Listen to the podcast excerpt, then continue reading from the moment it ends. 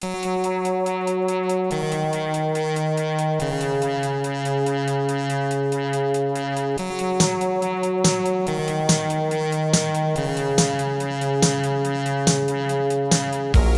to First Draft with me, Sarah Enni. Today I'm talking to Tahereh Mafi, author of the New York Times best-selling young adult trilogy, Shatter Me. Tahada lives a hop, skip, and a jump from the boardwalk at Santa Monica, California.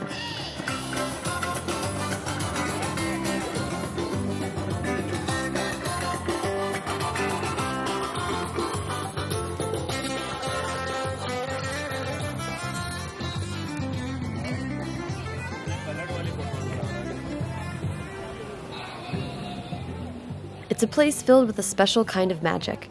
Roller coasters and elephant ears on a wooden pier standing above the glittering blue Pacific. Everything in Santa Monica seems to be in Technicolor, including Tahereh's home. It's filled with brightly colored objects, warm natural light, and of course, tons and tons of books. It feels oh so right for a woman who, with her first middle grade book, Furthermore, built a world where color is currency. But nothing is as vivid as Tahada herself. We've been friends for many years since way back in the days when we would write Twilight spoofs on our respective blogs. She was then, and remains still, one of the most kind, encouraging, and thoughtful people I know. We ended up talking for well over two hours in what was one of my very favorite conversations I've ever had for this podcast series. She is one smart cookie.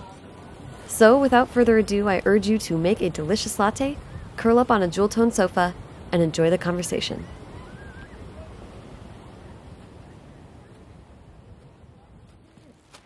Okay, so hi, how are you? I'm good. How are you? Good. Thanks for having me over. Thank you for coming all the way over here. So, as you know, I like to start these by going way back to the beginning, which is where were you born and raised? I was born in Connecticut and I lived in Connecticut until I was about 11, mm-hmm. after which I moved to Northern California for a couple of years and then moved down to Southern California, which is where I've been ever since. So, I forgot that you actually were in Connecticut for so long. Yes. That's a long time. Yeah. Do you, what's like, what was it like where you were living? Because I think there's a bunch of different ways that you, Connecticut can be. Yeah, I uh, well, it wasn't great. I I grew up in West Haven, Connecticut, which is right next to New Haven, Connecticut, which is at least the last time I checked, the most dangerous city in the country. So, Yeah. I grew up in a pretty dangerous area. It was far from ideal. We moved because my mom was like, "I have to get you guys out of here." Like, done. Yeah. Are you the, the youngest of the I'm the- siblings? Yeah, I'm the youngest, and I have four older brothers. Oh my gosh. So, yeah, yeah, it was quite an upbringing. Yeah, And then to move all, I mean, that's not a, that's not across town. That's, yeah. My mom had a sister in Northern California. I think she's still in Northern California, and she was just like, "Okay, that's my north star." I don't know anything about this place, but we're gonna like pack up our life and drive across the country. Wow. And hope that we'll find something better on the other side. It was a great move. It was hard and difficult, but it was really important, and I think it totally changed the trajectory of our lives. Mm-hmm. So that is how I came to California, and then Southern California happened because my mom, my mom's company got bought out, and they moved down to Southern California. They just took her with with their company, and Yeah. we just we came too, and so we landed here, and it's so so different here. Yeah, so I've had a lot of really interesting experiences, and my childhood was was certainly very interesting. Um, yeah. I'm totally going to harp on this because I moved from Texas to California when I was 12. So, like, I feel like I'm really interested in this particular moving at that age is so crazy. And moving that far into some place that has such romantic connotations and like Right. Do you remember or what do you remember of like the feeling leading up to it like knowing you were going to move and like thinking about what this place was going to be That's such an interesting and and cool question. Um, and I do I, I do also want to say that I think you're so right about that age. Like that 11, 12 year old time of your life is like it's so critical. It's like everything is going to happen and nothing is going to happen and it's all happening at exactly the same time and it can change your life. It was like the beginning of, of a new chapter in my life and yet at the same time I don't I don't remember feeling excited. Mm-hmm.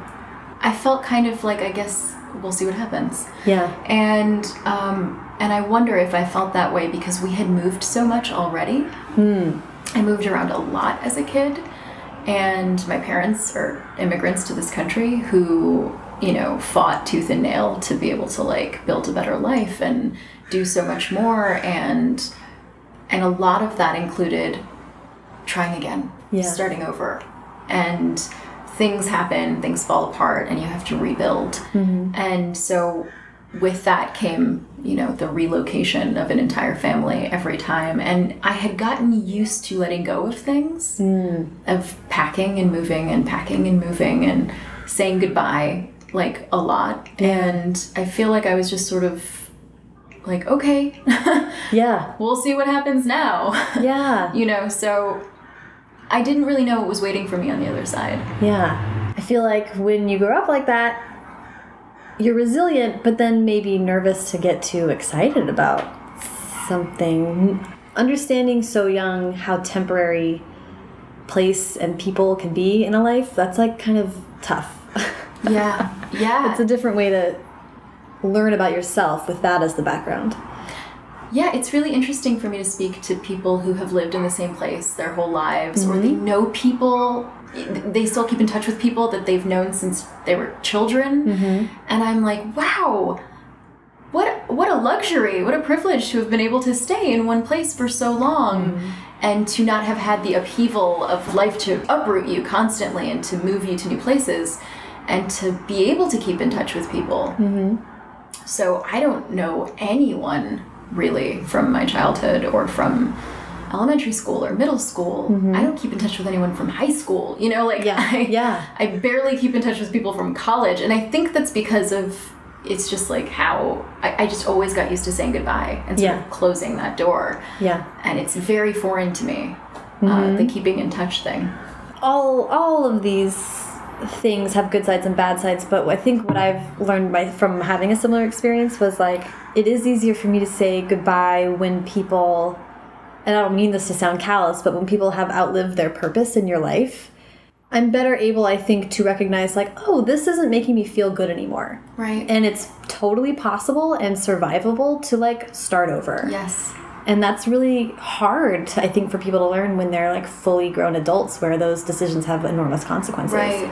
I think that is such a wise, wise and self-aware realization because it's so true and so important to know that people too can be shed from mm-hmm. your life mm-hmm. and it is survivable. Yeah. And in fact, not only can it be survivable, but it can be the best thing for you Yeah. it's like a skin that you outgrow, mm-hmm. you know, and sometimes people serve a purpose, like you said, and I don't think that's callous at all. Sometimes certain people are in our lives for a particular period of time, and that period of time was important and formative and, you know, informed who we are. Mm-hmm. But then you grow up, you have been affected, and now it's time for you to move on. Yeah. Yeah. Sometimes those people can't come with you. Right. Yeah. And it's like, I, I think what we're dancing around is this feeling of like a bittersweetness. I've been trying to explain this to people because I feel like for me, it's a feeling that I keep coming back to in what I write. Like I keep trying to, and I think I feel like I've read this in your books too, but I don't want to put that on you. But when I'm writing, I'm looking at the exact crossroads.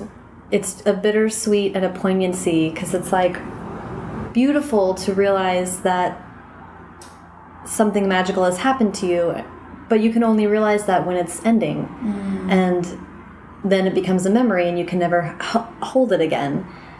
So it's this like very ephemeral, you know, it's that's what life is, these series of those kind of moments.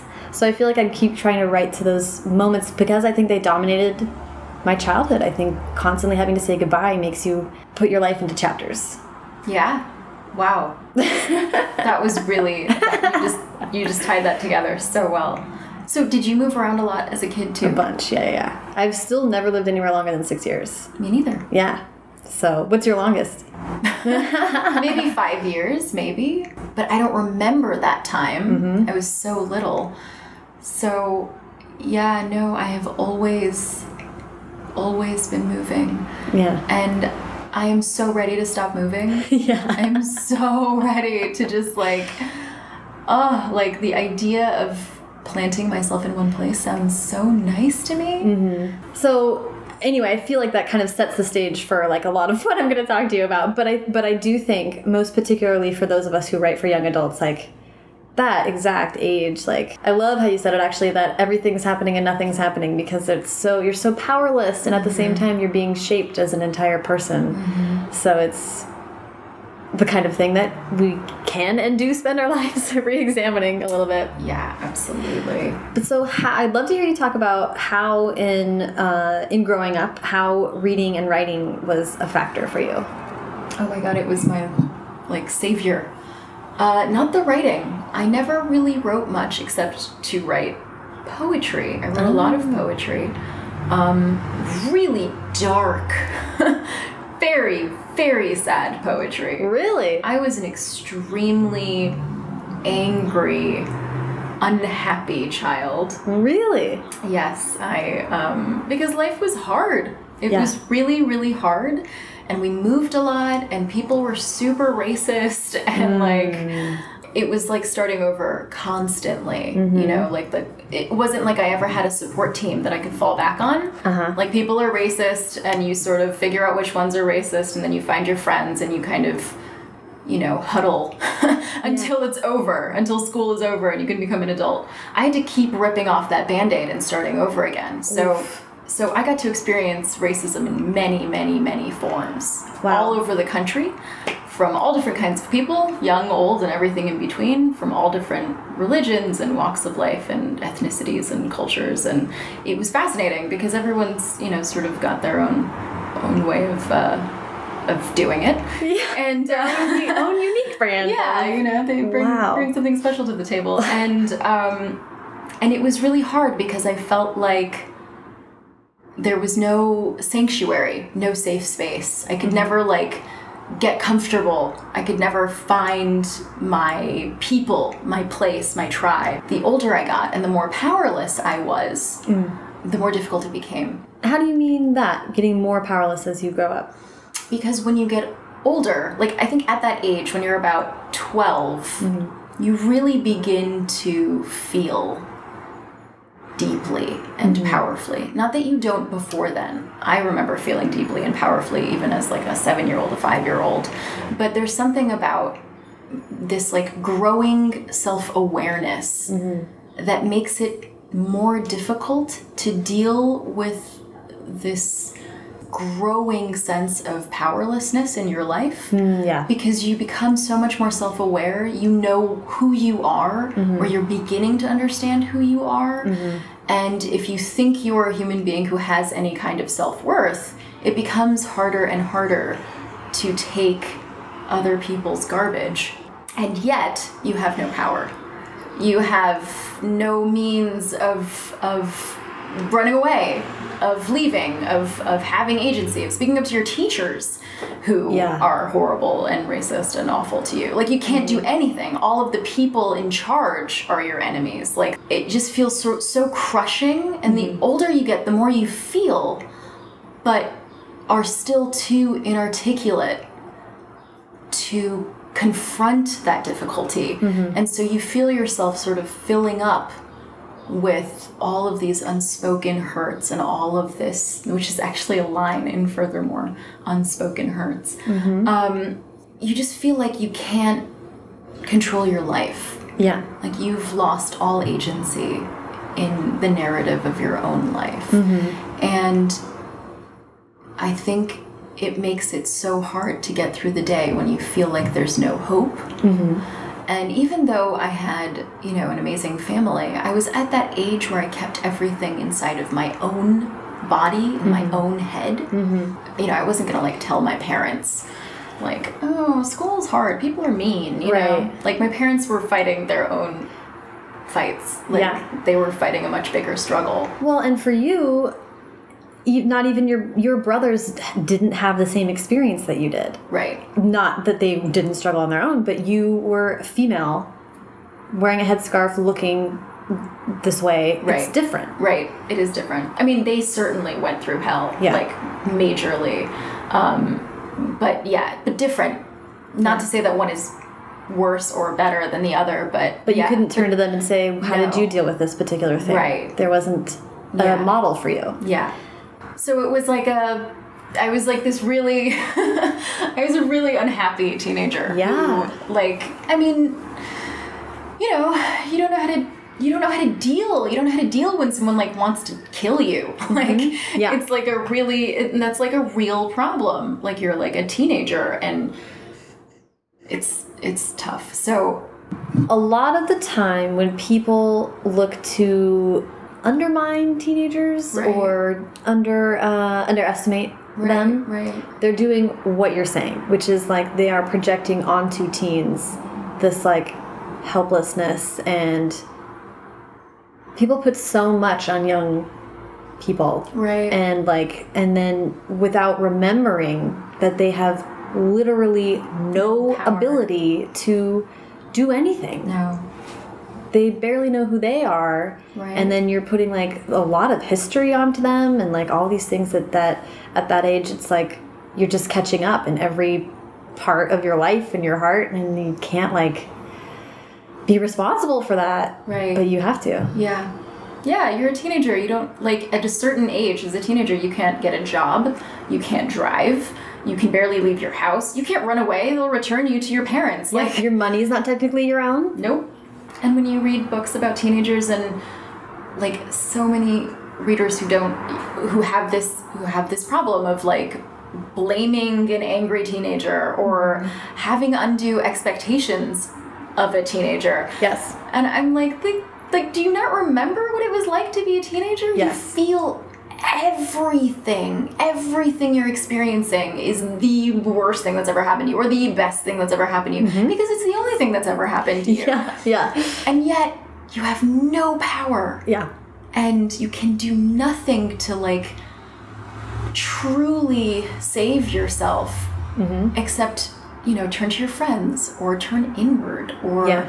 you know do something reckless mm-hmm. or just you know so act out just to feel something or to like feel like you're making a mark you know? Right. Teenage rebellion is just like i can do something even if it's destructive and not Right. not helpful like Right. it's it's something and i did it. Right. Um people talking about what characters should have done is like a special kind of uh, torturous thing because it's like not only are you saying that this 16 year old should have had the very adult perceptive Right. qualities that you Oh want them to have. but also that's not an interesting story. Of course she should have done this but Right. guess what? Like i'm writing a book here. Right. Well do you want to read a story about a person who did everything right and nothing wrong and lived a great life? No. Nobody wants to read that story. It's so boring. Yeah. But I just realized that I didn't answer your original que- question, which was whether or not like books and Yeah, writing had a place reading. in my life. And so the arts definitely had a place in my life, and books were the only other thing I ever did. So in my spare time, I created things Mm-hmm. and I read things. Mm-hmm. And that was, God, if I didn't have those two things, I would have been this just the saddest person on the planet yeah but books were my best friend. Mm-hmm. I especially loved contemporary mm-hmm. novels that and which is funny because I don't write those books, right but I love them and I loved them growing up because I never lived the typical American life. Uh, that I read about, you know, in books like Right. Babysitter's Club and Sweet Valley High, and like, Right, right. you know, those like Full House novels, and oh my gosh God, I loved those TV shows and those books and those movies Mm-hmm. because I was always like, wow, what's that like yeah to, you know, to have that experience? so it was fantasy in a way It was my fantasy. yeah In the way that most people escaped into like Lord of the Rings or whatever else. star wars Star Wars, anything. yeah. Um, my fantasy was the dream high school life. yeah I loved reading those stories about what it would be like to be like a pretty girl who's able to like fall in love with the cool jock or whatever. Like, Right. It's like that's never gonna happen to me. so this is so definitely fantasy. That, Yeah. um, I found it fascinating. That's so interesting. Were were any of them books that you feel like planted a seed of like maybe I could write? No, No. I never, ever, ever thought that I could be a writer, ever. Now I will say, obvi- like, this is like the obvious thing, but I discovered Harry Potter and Right. fell madly in love, and those books were like, oh my god, my lifeblood. Yeah. like I Were, weren't you reading those at the age? Weren't you like okay? yeah, Yeah. So I grew up with those books. And those characters. And those characters, yeah, and they carried me through for so long and it was just it was so wonderful. And they were so expensive. The books. the books. They were the only books my mom would buy for me because like they would come along like every couple of years or whatever. And um and they were so expensive and it was such a luxury and I because I never owned any books except Yeah. for the Harry Potter books. The other ones I I always read at the library or I did the bad thing of like going into bookstores and just reading. I would just browse for a little too long um but the Harry Potter books were so special, and I remember my mom getting really frustrated with me because she'd buy the book and it was like twenty dollars or something, something absurd, like you know, ten years, fifteen years ago, or whenever it was, um, and um, I would read it in the same day. And my mom would just get so frustrated, like, "You're done. That's it. You spent all this money on this book, and you, no, you have to go read it again." Yeah, I love that. Read it again to get my money's worth. and I would be like, gladly. Yeah, right. So um, that was a huge, huge part of my life. But I never, ever was moved or inspired to be a writer. Never. Although you were doing poetry. Yeah, but that was like a an outlet for my feelings mm-hmm. or something. I, and the reason I'm pushing on that is because I did the exact same thing. But then I w was going through these notebooks that I found at my mom's house, and I had not, I literally had not looked at them since I wrote these things. And I opened them up and was like, I was revising these. It was pages and pages of me doing the same poem over again and making it better. And I was like, but no memory of that, nor did it ever register to me that writing was even like possible. Like authors were just like in a white tower somewhere Yes. and they were not real and they were so amazing. Yes. Like I also like if I look back on my life, I will see that oh my gosh, I've been writing forever in Yeah. many different ways, and I used to like keep a journal. Mm-hmm, you know, and I used to like I remember religiously journaling for a while every single day. And uh, until my mom found my my journal, she didn't read it, and I know she Ooh. didn't because if she had, I would not be alive today. but she Kudos to her. Right, but she found it in my room. She was she decided to like clean my room as a surprise. Don't ever do that to your teenager ever. Oh. And but she was being so nice and she just wanted to like clean my room. Right. And she found my journal. And she was like, I found your journal, by the way. And I didn't read it, but like, oh, that's cute. And I that night sat down and ripped every single page of it into a thousand pieces Are you serious? and threw it in the trash. And I never have written down a single diary entry ever since. That breaks my heart. Yeah. I was just Oh, like, no one can ever find this. And I made sure that that would never happen. Oh, I know. That's crazy. Yeah. So, It is this I've been talking to a bunch of people about lately, just the looking back and seeing patterns that at the time were not obvious. right? But so what did it take for writing to actually when did you think of that that as a creative outlet? Not until after I graduated from college. After I graduated from college, that I took some, I was working full time and it was like I had taken the year off to mm-hmm. think about what I was going to do. I was thinking of diving straight into a PhD program. I was, I was just gonna like study for the rest of my life. Yeah. And I always knew that I had a great love of literature and that was like what I was planning on pursuing. Mm-hmm. But I was sort of burnt out and I got offered a full time job working at my alma mater where I had been working as a student and I decided to take it.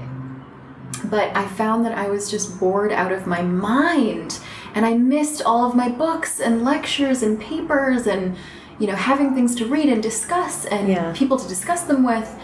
And um, at the end of the day, I didn't have any homework or you know exams to study for and so i started reading for fun again mm-hmm. because I, I went to a liberal arts college where my focus was in uh, the humanities so i was mm-hmm. studying literature and philosophy and all these old dense historical texts and onion skin thin pages mm-hmm.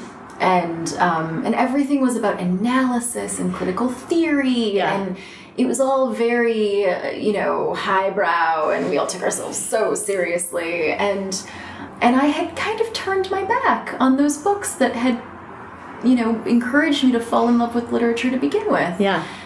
I'd, I'd not only turned my back on them but I also began to judge them Oh yeah. as mm-hmm. lesser which is what happens i feel like it happens to so many people when we get to college and we're suddenly like oh children's books that garbage which i think is the actual garbage that thinking is such garbage because mm-hmm. those were the books that that brought us here mm-hmm.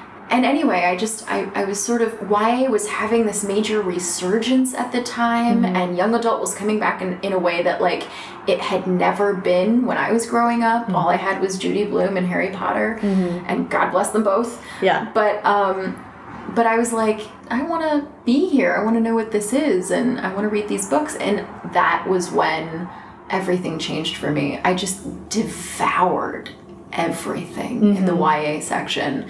And I realized, oh my god, I had forgotten entirely what it was like to read a book for fun mm-hmm. and to just get lost in a story or in an adventure mm-hmm. and to, you know, embark on a journey with a stranger and go off into these like unknown worlds and mm-hmm. just have fun and not have to like study it or examine it or analyze it for a paper Right. just to like love the story and that was when i thought i want to live here in this place for the rest of my life Yeah. and i didn't know if i could do it but that was the first time i thought maybe i could do this That's amazing. All writers are people who just miss homework so much. oh my god that's so true that was actually exactly what i did i gave myself homework yep. because I, was working full time as I pursued publication, and I just didn't sleep for two years. Yeah. you know, like I'm not kidding. I actually didn't sleep for two years. So Well, actually, okay, because this is what I want to talk about next is the process of getting to Shatter Me because there was a lot of books before Shatter Me, right, there were I think like five manuscripts before Shatter Me. which is crazy because that was was that really only 2 years? I wrote those five manuscripts in like a year and a half. Yeah, is such a like I like I'm picturing like you reading so many books and Yeah. then just like sort of like letting out steam almost. Yeah. well, you know what it was? I wonder if it wasn't just like a lifetime hmm. of never having had the chance to write and mm-hmm. not knowing that it was in me mm-hmm. that was suddenly like unleashed. When I decided to write, I knew I wanted to be published. Right. Yeah. It wasn't going to be a hobby. Mm-hmm. I wanted it to be a career. So I knew I had to approach it in a very business-like way. I knew that if I wanted it to happen, I knew I'd have to work really hard. So I committed to writing 5,000 words every single day. What? Are you serious? Every single day, I wrote 5,000 words. What? And like no exceptions. Wow. The only exceptions were if I wrote more than 5,000 words. So I was Wow. very, very committed. And I, you know, I just, that's what I mean when I say I didn't sleep. Like I was at work, I'd be up from like six in the morning until six in the evening. Mm-hmm. I'd get home. And then, um, and I spent all my lunch breaks at the bookstore. I spent all my like spare money at the bookstore. I bought books. I read books. And I studied books. Yeah. I went to the bookstore to learn about imprints and Yeah. editors. I read acknowledgments to learn about agents Mm-hmm. and people in the industry. I read the spines to know more about imprints. Mm-hmm. That was where I learned about the business and I read everything I could get my hands on, everything online, every Yeah. blog I could, you know, devour. Absolute Write forums were a godsend Mm-hmm. and just I devoured all of the information I could. So when I got home in the evenings, it was about writing and researching, and I started blogging. As Which you also did every day. every day.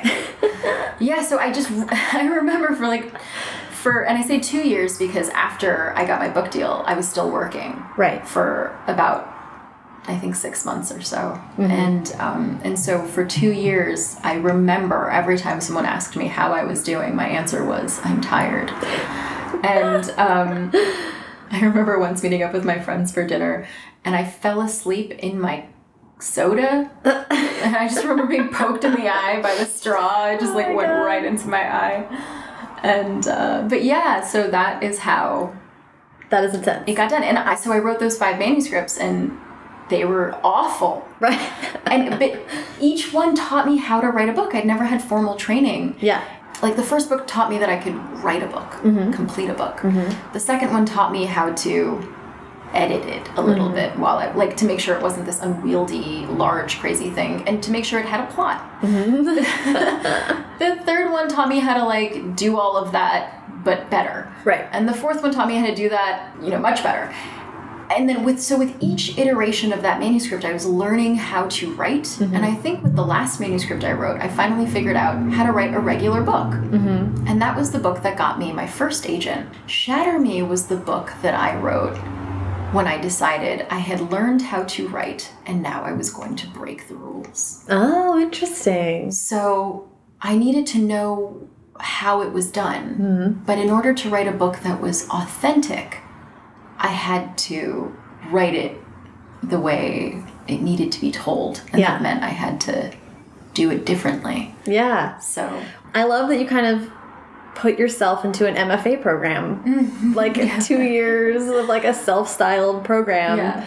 Um, when you say it like that, that does sound like maybe that's what happened. I think I think it is, and I think you were like more rigorous perhaps than even Yeah, that's probably true. especially by incorporating so much industry side. It's so interesting to think about in the context of what you were talking about as a kid and your experience growing Right. up. Because I, I think you're you're in a, at least for Shatter Me, you were like an instinctive writer. Like you weren't outlining this No. or coming up with a huge plan. Not for the first book, no. Yeah. Because Juliet's voice is so distinctive and her challenge is so like I feel reflecting of like the anger of what you were feeling and the, the isolation that you were feeling and all these things. And then over the course of the series, your life also changed in a whole nother way, like profoundly. Do you feel like Juliet and her voice and her story, how much of that was like directly mirroring what you were going through at the time? Is it like a therapy exercise or did you think about it that way at the time? So it took me a couple of or five books to get to Shatter Me. Mm-hmm. So I feel like I actually I worked out a lot of the very autobiographical things in Right. the beginning. Like, you know, a lot of people say that the first book you write is like so autobiographical, especially if it's told in first person. And I, or at least it's like wish fulfillment. It's who Oh, you yeah. wish you could be. Yeah. And I, and I certainly, I certainly do think that I worked out some of those kinks in the first couple of books that I wrote. Mm-hmm. So when I got to Shatter Me, I feel like I was finally able to take real experiences mm-hmm. and mesh them with the fantastical, the mm-hmm. paranormal, and turn it into a story that felt like it carried an authentic voice, a fictional story that carried an authentic voice. Right. Um, and so there was a great deal of my teenage hurts in mm-hmm. that story, and teenage pain, and feelings of isolation and ostracization, and being the other, the outsider, mm-hmm. the forgotten, you know, sort of neglected uh, young person who was totally misunderstood and only ever wanted to try and do good and connect with people and reach out, but was constantly rejected. And so, so much of that was inspired by my experiences growing up. But the story itself, the, the growth of Juliet, I feel like when I was writing her, I had already become who I wanted her to be. Mm, interesting. So, like, I had already grown up into a person who was no longer afraid or, you know, heartbroken constantly or like I was not that teenage girl anymore. Right. So I knew who I wanted her to be. I knew that story. Mm-hmm. You know, I knew she needed to grow up. She needed to fight through that Yeah. and become someone new. But the major change in my life happened after I finished the series. Mm-hmm. where I actually feel like the new book that I have coming out, furthermore, is a middle grade novel, and it is the story that I wrote after I finished the Shatter Me series. And the the Shatter Me series and furthermore were sort of divided by this really this this earthquake in my life mm-hmm. that sort of separated one from another Before and after the before and the after. Yeah.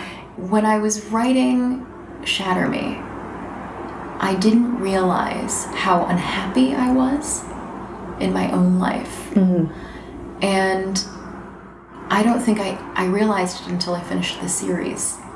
And it was something that I kind of looked back on and realized that though I had always known the journey that Juliet would go on, and though I had thought that I had already completed that journey in my own life, mm-hmm. there was still more growing up to be done mm-hmm. and shedding of skin Yeah. to be done and shedding of people to be done. Mm-hmm. And when I finished writing those books, I also closed the door on my first marriage. Mm-hmm. And it was it was like when I finished the first draft of, Of the, the third third. book Interesting. it was like everything suddenly came together at the same moment to implode.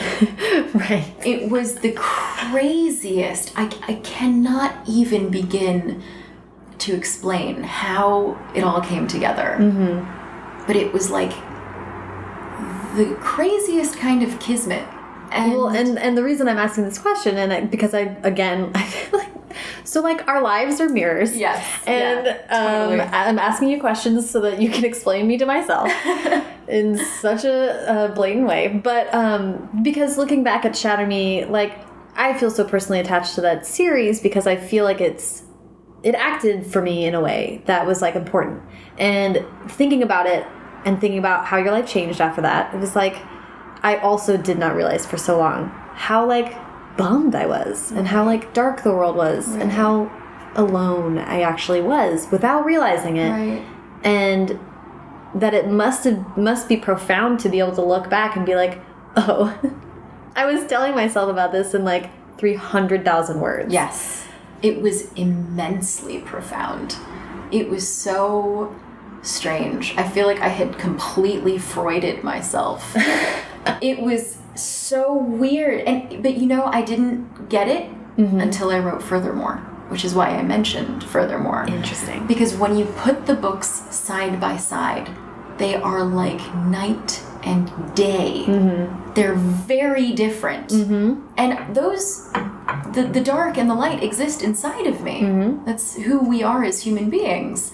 I have felt great pain in my life and I have felt great joy in my life, as have all people, I hope, mm-hmm. because it's what makes us these incredible, interesting people. Mm-hmm. But Shatter Me was about this girl who was so, so alone and sad and trying to find her way mm-hmm. and breaking out of this emotional prison she was in. Yeah.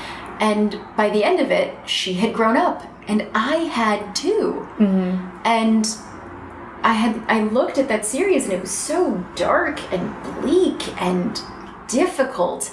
And furthermore, is just this explosion of color and light and joy and adventure. And it's so interesting because I, so many people are, uh, dis- so many fans of the Shatter Me series are disappointed that I didn't write another YA novel that's Right. like just like Shatter Me, and there's no kissing in it, and it's not a romantic story. And I always say that I find it fascinating because I feel like Furthermore is the most romantic story mm-hmm. I have ever written mm-hmm. because it was the book I wrote after I met Ransom. Mm-hmm. And it was like everything had shifted. And I had been kind of like that love brought my life into hypercolor. Mm-hmm. You know, it was like living in HD. Yeah. And it's so creepy how we writers are like unconsciously working through stuff in our work. But of course, I didn't realize this until after I'd completed all of these books and I looked back and I was like, whoa. like it and it is like alarming how considered and revised and dwelled upon and obsessively i mean books don't happen by accident No. but our own minds are so like our blind spots are so intense Yes. that uh I hate to like generalize with this kind of thing, but for me anyway, writing isn't therapy, therapy is therapy. Right. But like man, yeah, I know. It's I'm so- a better human because I write books, and that's Yeah. for sure. Like it's frustrating and beautiful at the same time. Yes. Yep. Mm -hmm. Absolutely. Yeah. That um Well, I was going to ask you a question. yeah, sure. I was just wondering, like, have you ever, when you write, have you ever written a scene like so intense that it's made you cry? Oh, for sure. A hundred percent in public. yeah, actually, I started to. So after I got divorced is when I, I was thinking about this today. Actually, for some reason, about how really lonely it was. Like the whole time I was in DC, I was so like lonely and just did not realize it. And and had great people there and was doing things and had an interesting job and all this stuff. But then like when I split up with my husband, there was a month where like no one in my life that I saw every day knew about it. Right. And there was like no one to know. So weird. And and then I was a person that was very protective of my feelings and was like felt like it was a weakness or whatever. And then like instantly forced myself into this position where I became someone who cries all the time. and like with people and like out of empathy and like unabashedly because I as you are seeing like I cannot cry without being obvious. I have these big Beautiful total eyes. crazy eyes that get red in a second. eyes. And so it's like really changed me and changed my fiction like Yeah. bananas. So so then now it's gotten to the point where when I have a scene where I want someone to cry when they read it, I have to write it until I am crying. And only then am I like, all right, well, now and then whenever you send it to beta readers and they let you know like they highlight it and they're like, this was really powerful. It's like, well, thank God, because I spent five hours at a coffee shop, like getting myself really Worked up. really there Yeah. and like when and it's it's funny how it's just words but somehow you get to a place where you're choosing words that are different and they make people go places Right. with you But that's just it, isn't it? It's not just words. You know, you change lives with the right book. yeah I've been crazy. changed by great books, you know?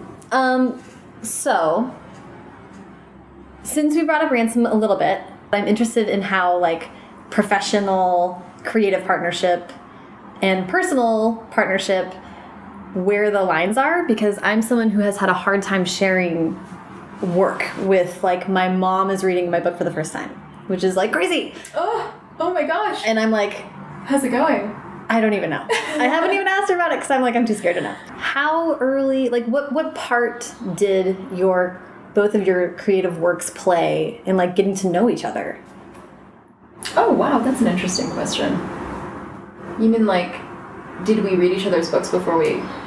or did you read it after or like i'm interested in how because you you met in the context of knowing each other were professional writers right yes. and then it's like Yeah. was it nerve-wracking to read his work after that No, because we were just friends for a long time. And um, so when we first met, we didn't know anything about each other except that we were both writers in, in the larger community. And, um, and we became friends. And just sort of casual friends because we'd lived in LA and we had Kami Garcia in common who used Right. to, you know, do these big um, like writing days in LA, and you know, a group of us would get together and we'd write together, and that's how we all became friends. And um, but I, you know, I thought he was a really nice guy, and and he was just you know a person that I knew, and I thought, okay, I should read his book, right and so I read his book, and I did that first. I sort of took the initiative of reading his book, and it can be nerve-wracking to read when you really like someone But there was no pressure. I didn't. I wanted to like it. Mm-hmm. You know, I was I was rooting for it to be a book that I liked, and I didn't have to work too hard because I thought it was so wonderful. And I was genuinely impressed by his writing. I thought he was a very talented writer and uh, like a very elegant writer. So I was really excited to tell him that I really liked his book. Yeah. And it was great. You know, he's like, oh, thanks. Like you do when you, you know, have a writer friend and you're like, hey, I read your book. I really liked it. And Yeah. Thanks. That's so nice. Then did you? So then he read my book. I was gonna say. And I was like, oh no. well, especially because I always get really stressed whenever anyone, friend or, you know, acquaintance or family member says that they are considering reading my book. I always say, oh my god, there's no pressure. You really don't have to read my book. Right. Because my books are so polarizing. Hmm. You either really love them or you really hate them. And I'm okay with that. Mm-hmm. Just don't want to hear about it. Yes. don't. And I always say that. I'm like, you don't have to read them. But if you read them and you hate them, please don't tell me about Yeah, it. yeah. I don't need to hear about. it. We don't need to discuss it. And um, and because I had just read Ransom's book and I really loved it, and I was, you know, I really admired him as a writer. I was like, oh god, he's gonna read my books and really hate them and think that I'm like a total hack, and then this friendship is over. and um, either he is a very good liar or he actually liked the books, one way or another. it went pretty well. Yeah. Pretty well. So um, I would say that if I did not like Ransom's writing and he did not like mine, it would be very difficult for us to be married. Yeah. because it would be so hard to have to lie for the rest of your life. Yeah. That would be so hard. And why? I just I feel like there the odds are so low that you would fall in love with someone whose creative work you didn't respond to. Yes. As important as it is to separate your work from yourself, to some degree you also cannot Right. do that. Yes. Um, nor should you have to Right. hide your work or be embarrassed about it Right. if with someone who's closest to you, Right. closer to you than anyone else in the world. Right. No thanks. Right. Yeah. yeah. then I'm interested in like process wise. Now that you guys are together, married, live together, obviously, and both are professional writers, so work from home. Right. How how has or has your writing process changed at all? Like, have you guys started to mirror each other in the creative way? How has that gone? Yeah, it's been um, it's been really interesting, and I think we've both changed a little. Maybe I have changed more because before I met Ransom, I wrote in these really unhealthy, obsessive stretches of time, these bursts of of time where I would just ignore everything but the story. Well, you weren't sleeping. I would not sleep. I would not eat. I would not answer the phone. Oh my goodness. I would not leave my house. And then even after I quit my job and was working as a writer full time, actually afterward it, it became worse because then I just really never left my house. Mm-hmm. And um, like I would write, I would draft novels in a week. You know, like I would. Whoa. It was if if I was really like you know Yeah. in the zone as they say Yeah. um, because I would write from morning till night. Wow. Morning till night. Like I would wake up at the crack of dawn and I would write until I collapsed and then I'd sleep for a couple of hours and dream about the characters and then wake up and write until I collapsed. oh my and, goodness. and it was it was really bad. Um, before we got married and we were sort of consolidating our lives, Ransom used to visit me at my house and um, I'd be working and I would have eaten nothing but like six gumballs.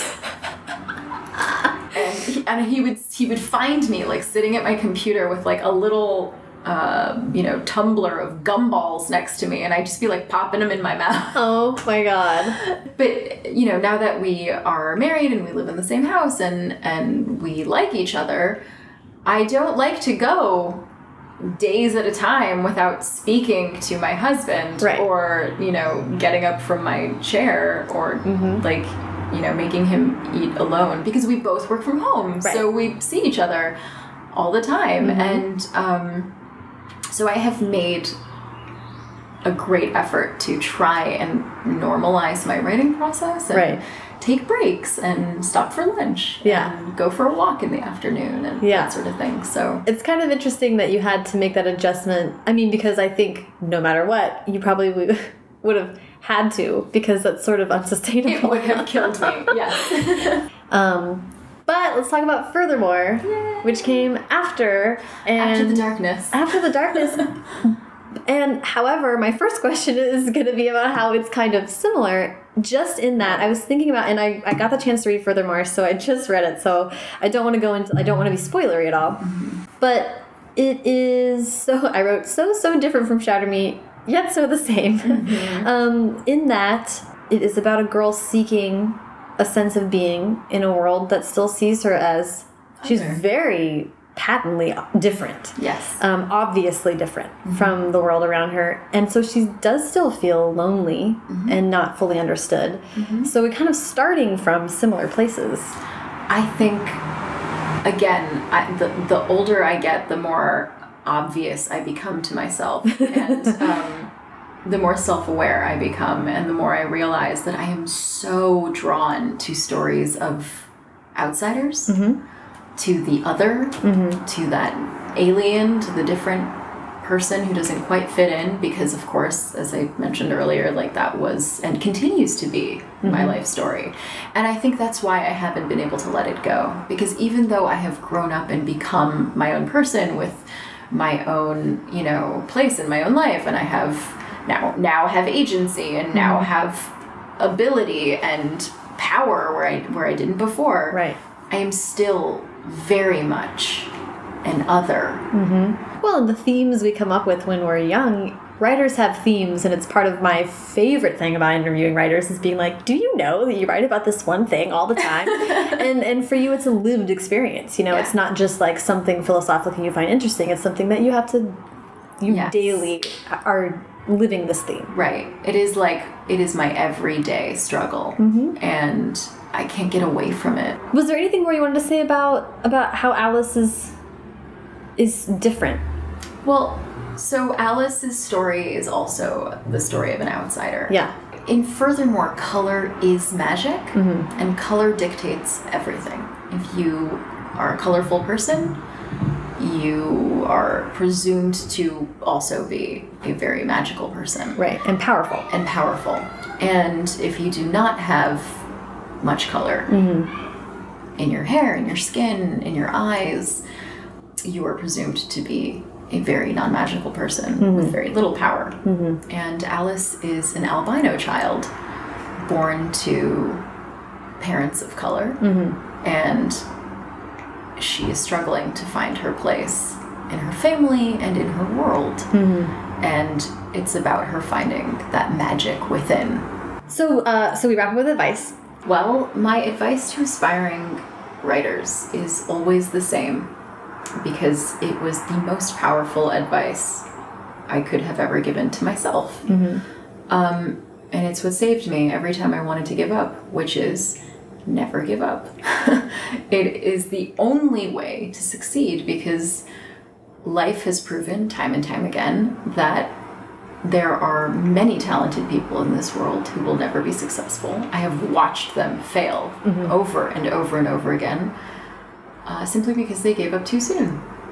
And that time is the only difference between a successful and an unsuccessful person. Mm-hmm. That has proven to be unequivocally true to me. Mm-hmm. That if you just hang in there and you work at it, hang in there and work at it, and you will be successful. It's just the time. If you're willing to wait Yeah. and put in the hours, put in the years, it will happen. Uh, best advice ever. So let's wrap it up there. Thank you so much, dude. This was so fun. Thank you, Sarah. Thank you for talking to me for so long. Yeah. Oh my gosh.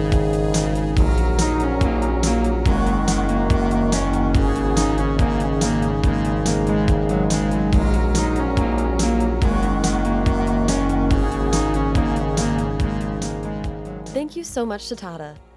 Follow her at Tahereh Mafi and follow me at Sarah Enni and the show at First Draft Pod.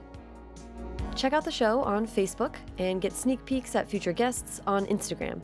But for my favorite quotes from this and every episode, as well as book recommendations and more, including a link to sign up for the new First Draft newsletter, check out firstdraftpod.com.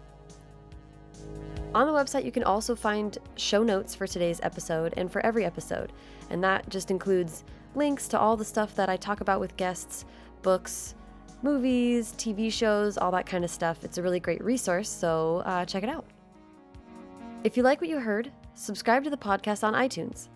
While you're there, think about leaving a rating or review.